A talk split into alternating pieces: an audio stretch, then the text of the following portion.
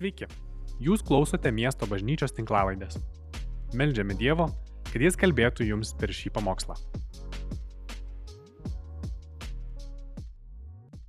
Brangus broliai seseris, kurie šiandien žiūrit online, sveikinu visus ir meldžiu, kad šventoji dvasia prisiliestų prie kiekvieno iš jūsų, kad Dievas dalyvautų mūsų surinkime, ten, kur jūs esat, kad ir šventoji dvasia būtų jūsų tarpe. Pasimelskime visi drauge.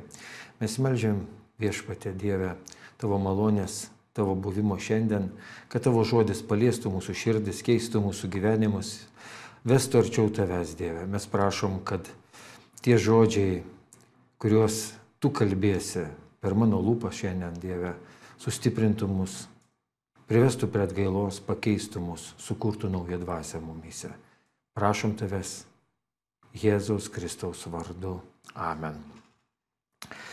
Šiandien man didelė malonė kalbėti jums visiems, dalintis Dievų žodžiu, kurie nuotoliniu būdu esat, bet viešpats jis veikia mūsų tarpe drauge ir tikiu, kad šventoji dvasia palies mus, pakeis mus ir, ir po šio pamokslo mes suprasim, kai ką išmoksim iš Dievo žmonių, išmoksim tam tikrų pamokų, kurios padės mūsų gyvenime sekti Kristumi.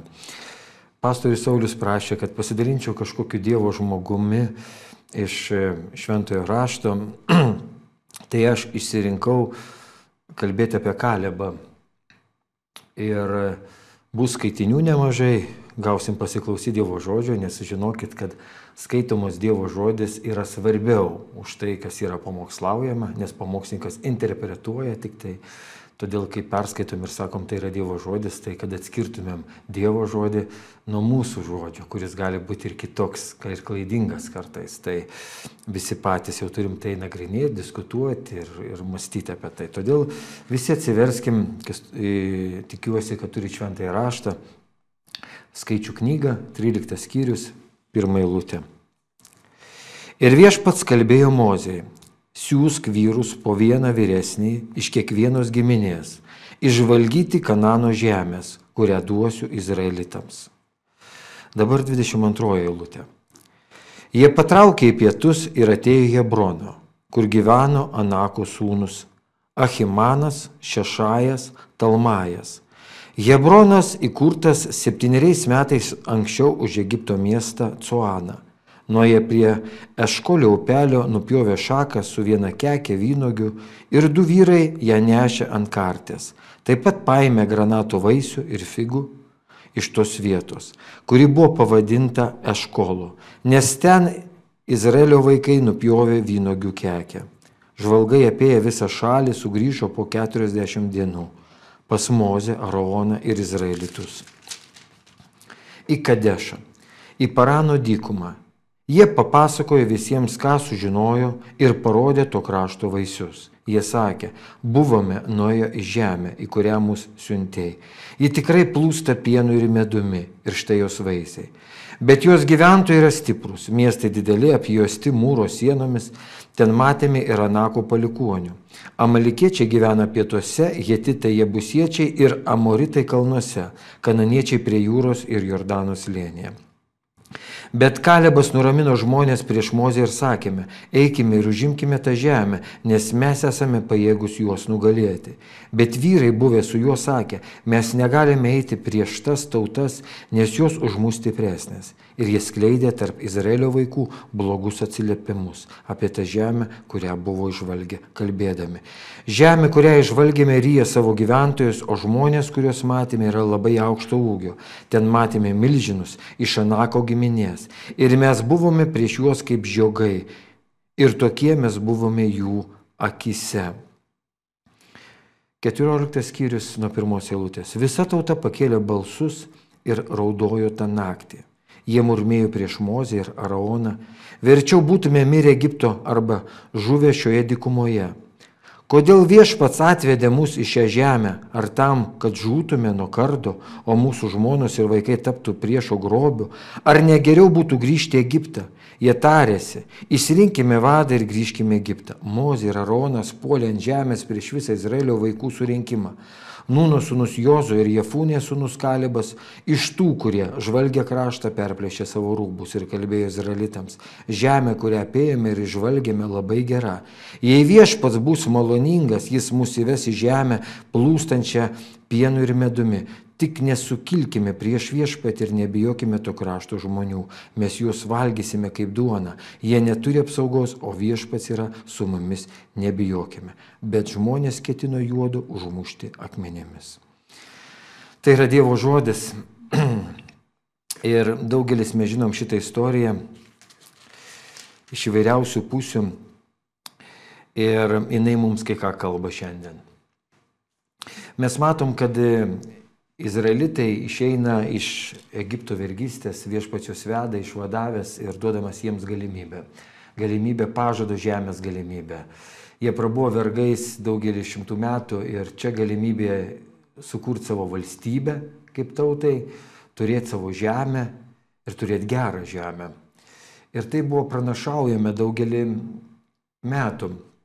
Ir štai, kai, kai jau jie pasiekė paždą žemę, ir įsiunčia 12 žvalgų, tai supraskim, kad įsiunčia žvalgus tai iš visų Izraelio giminių vyresniuosius. Tai reiškia pačius lyderius, pačius vadovus siunčia, pačius geriausius siunčia, neprašiausius. Ir jie nuvyksta žvalgy žemę, prabūna 40 metų ir grįžta ir matom, jie parsineša vynogių kekę, kurie neša dviese.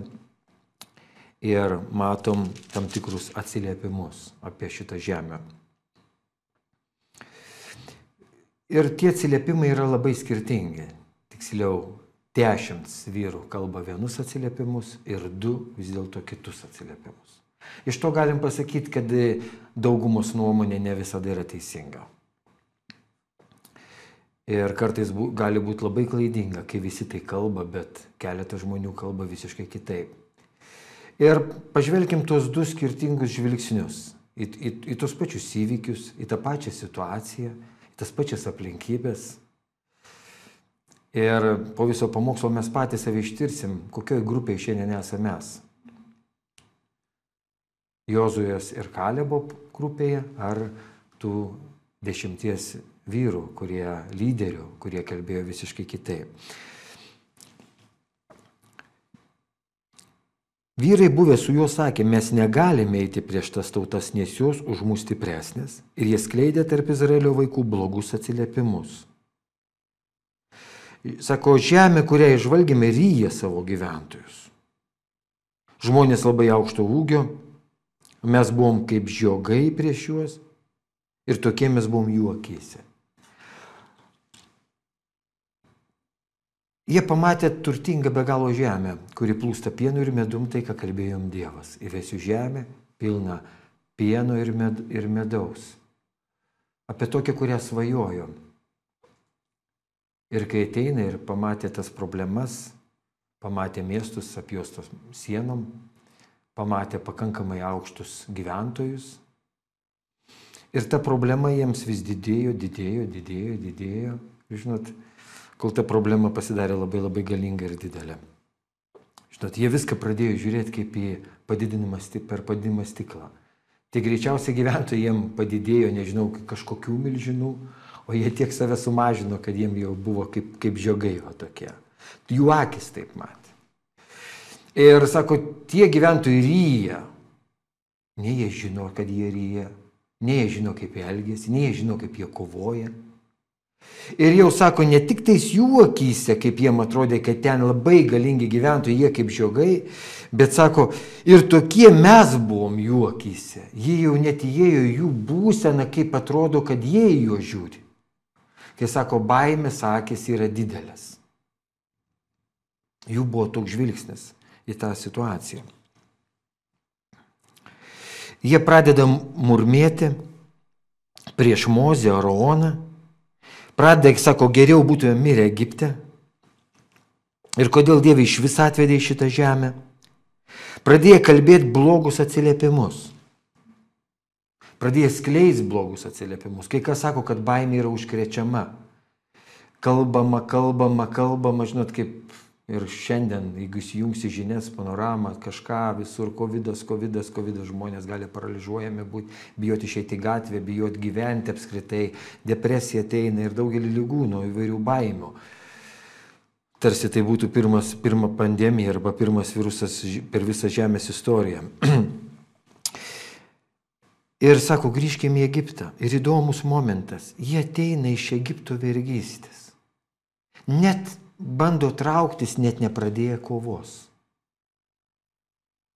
Priejo prie pat pažda žemės, kurią galėjo eiti, užimti ir gyventi. Rezultatas po to bus, žinot, koks.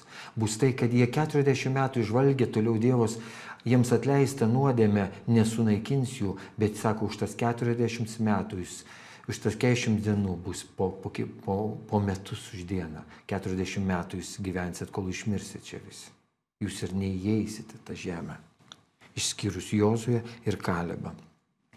Mozė Ronas puola ant žemės prieš visą Izraelio vaikų surinkimą, bet Nūno sunus Jozijas, Jefūnės sunus Kalebas perplėšia savo rūbus. Tai didžiausia išraiška atgailos sudraskyti visą tai, ką tu turi brangiausiam. Sako, ir dabar pažvelkim kitą žvilgsnį. Žemė, kurią apėjome ir žvalgėme, labai gera. Jei viešpats bus maloningas, jūs mūsų įves į tą žemę plūstančią pienu ir medum, tik nesukilkime prieš viešpatį ir nebijokime to krašto žmonių. Mes valgymsime juos kaip duona. Jie neturi apsaugos, o viešpats yra su mumis, nebijokime. Pažiūrėkim dabar kitą žvilgsnį, kaip, kaip į tą pačią situaciją žvelgia kitaip. Viešpats jei viešpats bus maloningas. Įdomu, kad prieš tai Kalebas sako, eikim ir užimkim tą žemę, nes mes esam pajėgus juos nugalėti. Toks Kalebo buvo žvilgsnis. Mes galim tai padaryti. Ir kartais, jeigu nepaskaitytumėm tos rašto vietos, mes galvotumėm, kad Kalebas jis jau pasitikė savim savo jėgom ir jis yra pats iš savęs galingas. Ir dažna kartą taip yra pamokslo, eikim, užimkim, mes galingi, mes stiprus. Ne, jis sako, jei viešpats bus maloningas. Visada yra jei. Ne tai, kad tu pats savo jėga gali, savo tikėjimu tu gali padaryti. Tarsi galima suburti, užauginti tokį tikėjimą, kad tu gali padaryti, jei viešpats bus su tavim. Jei Dievas bus maloningas, jis gali būti ir nemaloningas. Ir šiuo momentu jis labai gali būti nemaloningas, nes dešimt žmonių kalbėjo neigiamai. Jeigu Dievas, kitais žodžiais, bus su mumis, mes eisim ir užimsim, nes jie neturi apsaugos, bet su mumis yra Dievas. Jis žinojo, kad Dievas jiem davė tą užduotį. Jie ne patys įsigalvojo, kad eikim, užimkim šią žemę, mes esame labai galingi, mums nieko nereikia bijoti, mes kieti vyrukai, bet nesakom, Dievas mums davė tą žemę, Jis mus čia veda. Ir jeigu mes nenusidėsim ir Dievas bus mums maloningas, mes eisim ir užimsim. Ir žiūrėkit, kaip jis sako, Jeigu pirmieji sako, mūsų jie suvalgys, mes kaip žiogai, tai Kalibas sako, mes juos suvalgysim kaip duono. Nes Dievas su mumis.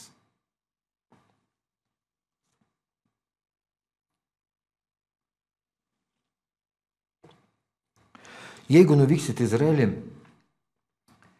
ir pamatytumėt Izraelio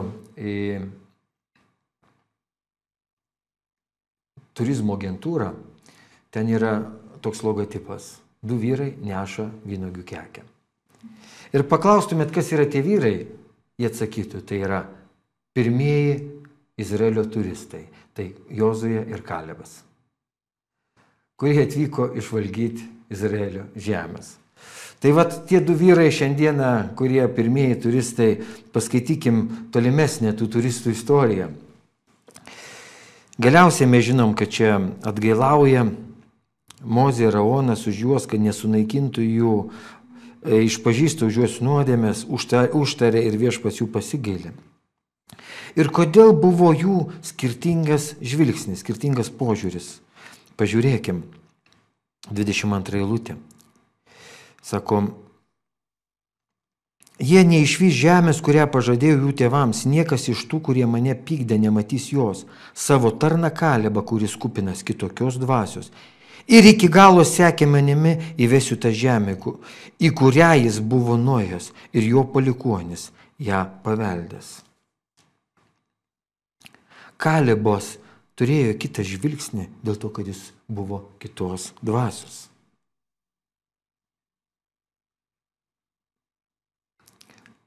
Ką simbolizuoja kitos dvasios? E, Senajame testamente dvasia tai kalba apie, kalba taip, žmogaus kūną ir žmogaus vidų dvasią. Sielos samprata jau yra naujajam testamente ir ta psiche yra daugiau iš graikų kalbos atėjęs žodis, kas reiškia siela. Bet Izraelį eina daugiau dvasia žmogaus ir kūnas. Dvasia tai yra žmogaus vidus. Ir žmogus žvelgia taip, kaip jį, koks jis yra viduje. Koks jis yra viduje, taip ir žvelgia. Ir sako, Kalebas kitos dvasios. Kitaip žvelgia. Ir iš tikrųjų, kaip jis žvelgia, mes matom, kad izraelitai visi, ne tik tie dešimt vyresnių ir visa tauta, kuri murmėjo, jie ir išliko vergais savo mąstymę. Jų dvasia buvo papalaušta. Jų, jie nežvelgia į viešpatį. Jie žvelgia kaip vergai. Kiekvieną dieną jiem atneždavo maisto. Jie galvojo, nueis per dykumą į paždą žemę ir viešpas jam ten atsiūs tuščius miestus, eikit ir vėl bus atnešta kaip ant lėkštutės. Ne, paždą žemę, jūs sako, turėsit užvaldyti, jūs iš vergų turėsit tapti kariais, Dievo žmonėmis. Bet jie ir išliko vergais, kurie nieko negali padaryti paralyžiuotos dvasios. Bet Jozu ir Kalebas buvo kitos dvasios. Jie nebebuvo vergai, jų nebepalaužė, jie pažino Dievą, jie pažino gelbėtojai, kuris, kuris išvedė juos iš Egipto žemės. Jie matė tuos visus stebuklus ir kai čia kalbama, sako, argi jūs nematėt visų stebuklų, kurie buvo padaryti Egipte. Dievas antiek padarė daug stebuklų ant gamtinių reiškinių tokių, kad jie visada matė Dievo globą, jie matė didžiausią pasaulio stipriausią karalystę, Egipto faraonus. Ir kaip Dievas nugalė, išvedė, išveda praskerą raudonoją jūrą prasiskiria. Jie mato visą tai, jie pažįsta Dievą ir kaip eina iki pačių menkiausių dalykų. Tie dešimt ir tauta nustoja tuo pasitikėti. Jie vėl žvelgia nebe į Dievą pakelėkės bet jis žvelgia į žemyn. Kalebas kitokios dvasios žmogus. Žinot, hebrajų kalboje kalebas išvertų turi dvi reikšmės. Viena reikšmė yra drasus, koks jis ir buvo čia, ir kitas yra šuo. Ir šunis turi Daugelį kalbų yra, pažiūrėjau, kad ir rusų kalboje yra pios į sabaką, yra, kaip pas mus lietuvių kalboje yra žirgas ir arklys. E, tai čia tas šuo, tai yra tas pios, tai yra šuo, ne benami šuo, bet tai yra aviganis šuo, tas, kuris saugo bandą, kuris saugo miestą, kuris gina. Tai drasus kaip šuo. Kadangi aš buvęs kinologas ir labai daug turėjęs gyvenime šunų, dresavęs ir šiandien turiu porą tokių šunų, kurie, kaip šitas kalibas, nežino, kas yra baime. Aš laikau Azijos aviganį, laikau amerikiečių Staffordshire terjerą, kurie apskritai nežino, kas yra baimė. Ir kai buvo jaunas mano šuo, aš prisimenu, gyvenu sodyboje ir kai pro mano namą pravažiavo, labai retai pravažiuoja automobiliais, netyčia iš išbėgo, pribėgo prie automobilio, pasivėjo, nuplėšė numerius. Ir e, aš spėjau pasiginti, bet už nugaros važiavo didelis sunkvežimis fūra ir jis atsistojo prieš tą fūrą ir galvojo, nuo ko pradėti. Tai jam neegzistavo baime. Ir kadangi aš pats ir veterinariją studijavęs ir tekęs man operuoti, tai mums teko operuoti vieną anglų buldogą mes operavom jam žandikaulį, kartu aš tik buvau kaip asistentas, aišku, operavom žandikaulį buldogo, kuris įkando mašiną į padangą maš, ir ta mašina buvo važiuojanti. Jis jos nepaleido, kol neišplėšė jam šito žandikaulio. Va toks buvo kalebas, kurie mokina įsikabinti ir nepaleisti. Įsikabinti ir laikytis. Ir tas pavyzdys mums kalba toliau apie kalebo gyvenimą.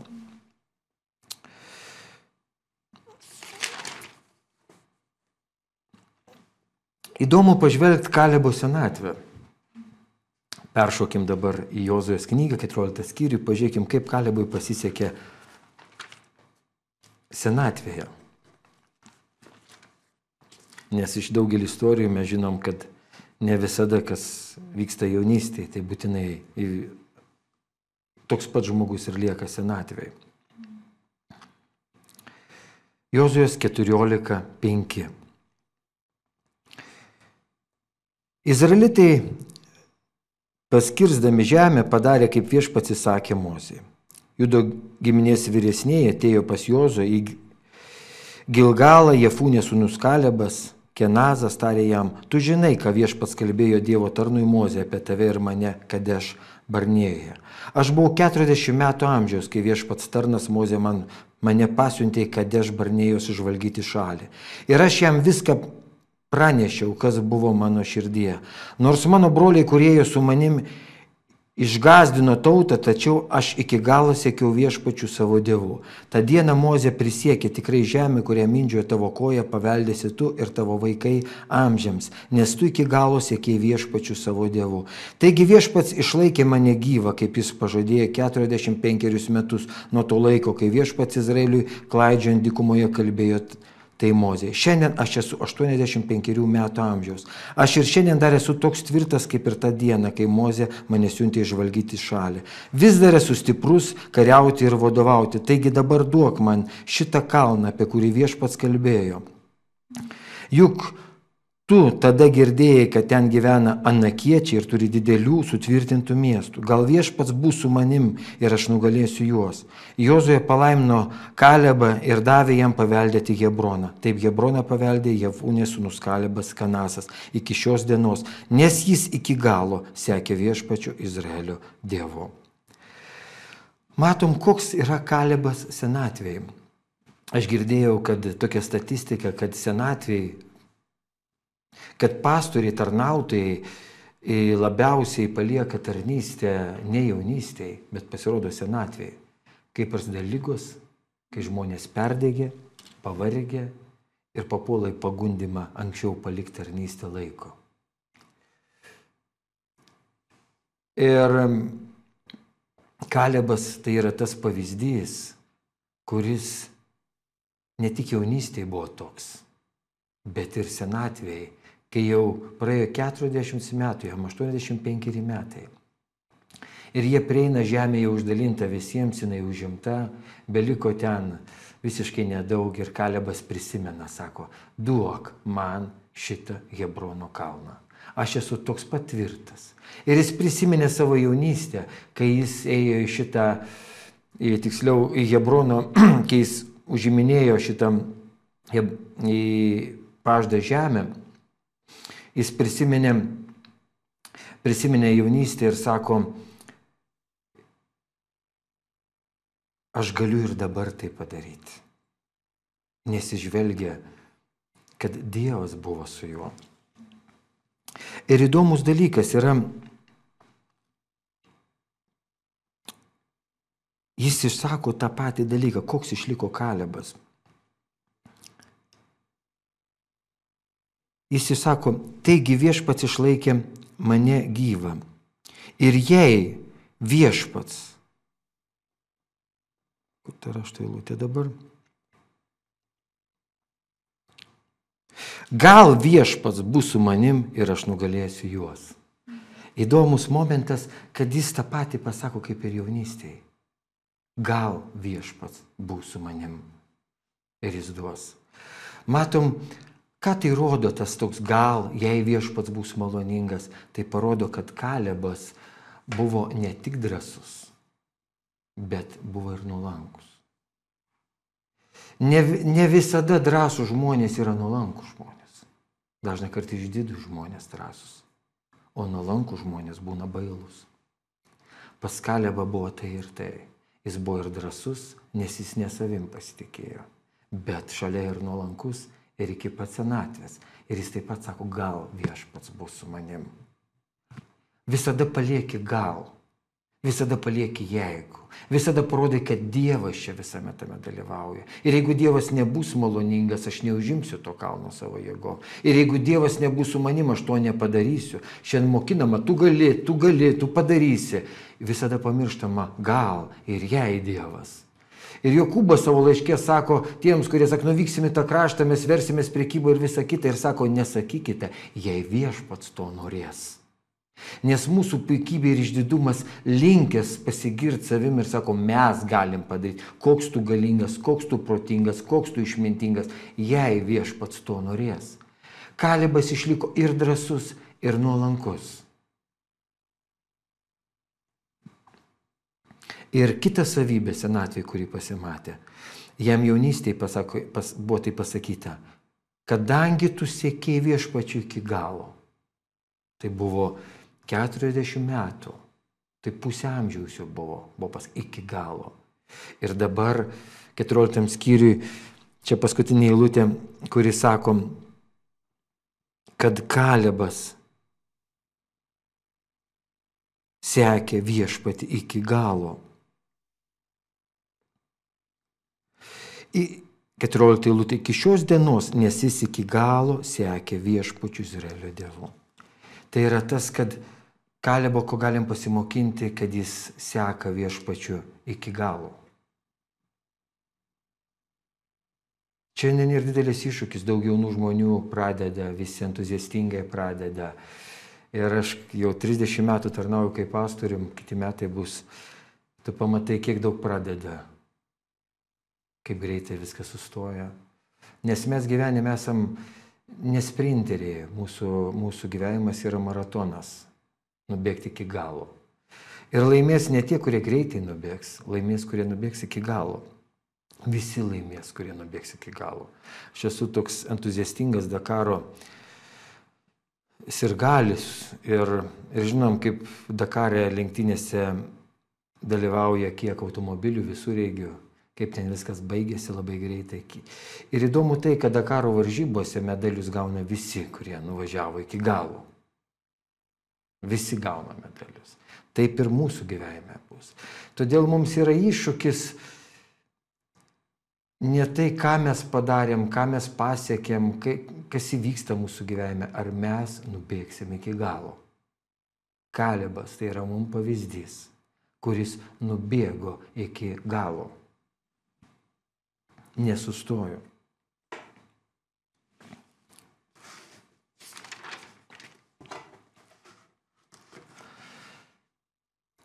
Ką šita istorija mus moko, nes visas šventas raštas mums kalba apie pavyzdžiais, įvaizdžiais, provaizdžiais. Apie kokį kalną eina čia kalba apskritai. Kokį kalną kalibas užima, ką mums primena šitas kalnas. Ką primena šitie tos tvirtovės, ant šito kalno tie gyventojai dideli, greičiausiai mums primena vieną kalną, tai yra Golgotos kalną. Kalebas buvo iš judo giminės, kaip ir Jėzus iš judo giminės. Tai yra Kristaus provaistis, kurio visas tikslas Kristaus, visa tarnystė yra tarnystės viršūnė, yra pasiekti Golgotos kalną daeiti iki Golgotos kalno. Jėzui žinom, kaip Getsemanė sodė nebuvo lengva, kaip jis meldėsi. Bet te būna tavo valia. Pasima kryžių, mušamas, daužamas. Ir jis lipa į tą kalną, neždamas tą kryžių.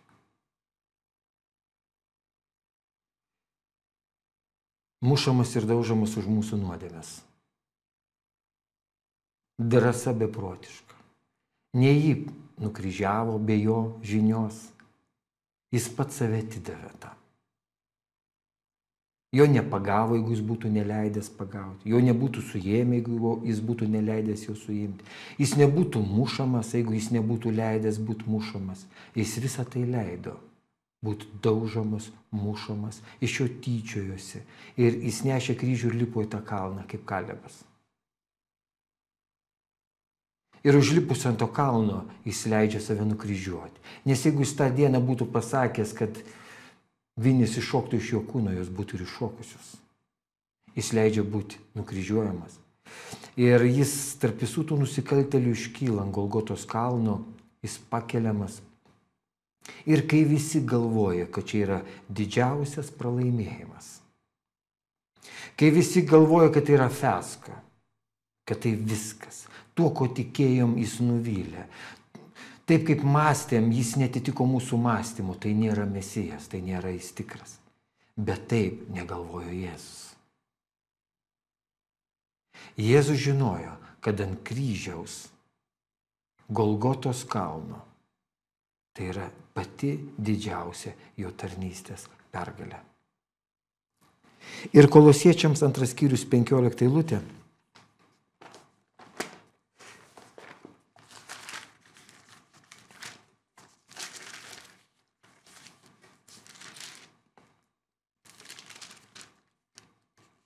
Sako, Jis nuginklavo kunigaikštystės bei valdžias ir viešai jas pažemino, triumfuodamas prieš jas ant kryžiaus.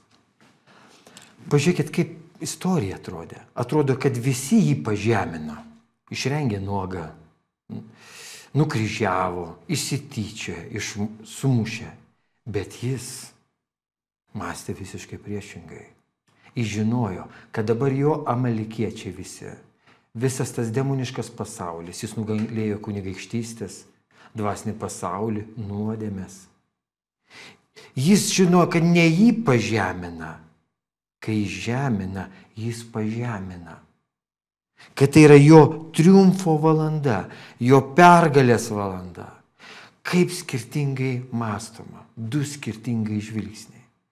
Vieni masto kaip ta tauta visą mąstė, vienu žvilgsniu ir Jėzus matė visiškai kitų žvilgsnių. Ir kai Petras tada pasižiūrėjo taip pat kaip ir visa tauta, sakė, tu jokių būdų neįsi ten. Sak, pasitrauk nuo mane šitone. Nes Jėzus žvelgia kaip kalebas. Jis žvelgia visai kitų žvilgsnių. Jis žvelgia, kad ne jį pažemina, bet jis pažemina visą dvasinį pasaulį, kuris kritęs nuodėmę. Tuo momentu Dievas ant kryžiaus susigražina visą valdžią, tą, kuris prarado per žmogaus nuodėmės. Jis pasima vėl savo rankas visus raktus. Jis vėl triumfuoja ant kryžiaus ir iššaukia atliktą. Tai yra Kalebo istorija. Amen. Ačiū, kad klausėte. Daugiau informacijos rasite mūsų svetainėje miestobažnyčia.lt arba Facebook, Instagram ir YouTube paskyrose.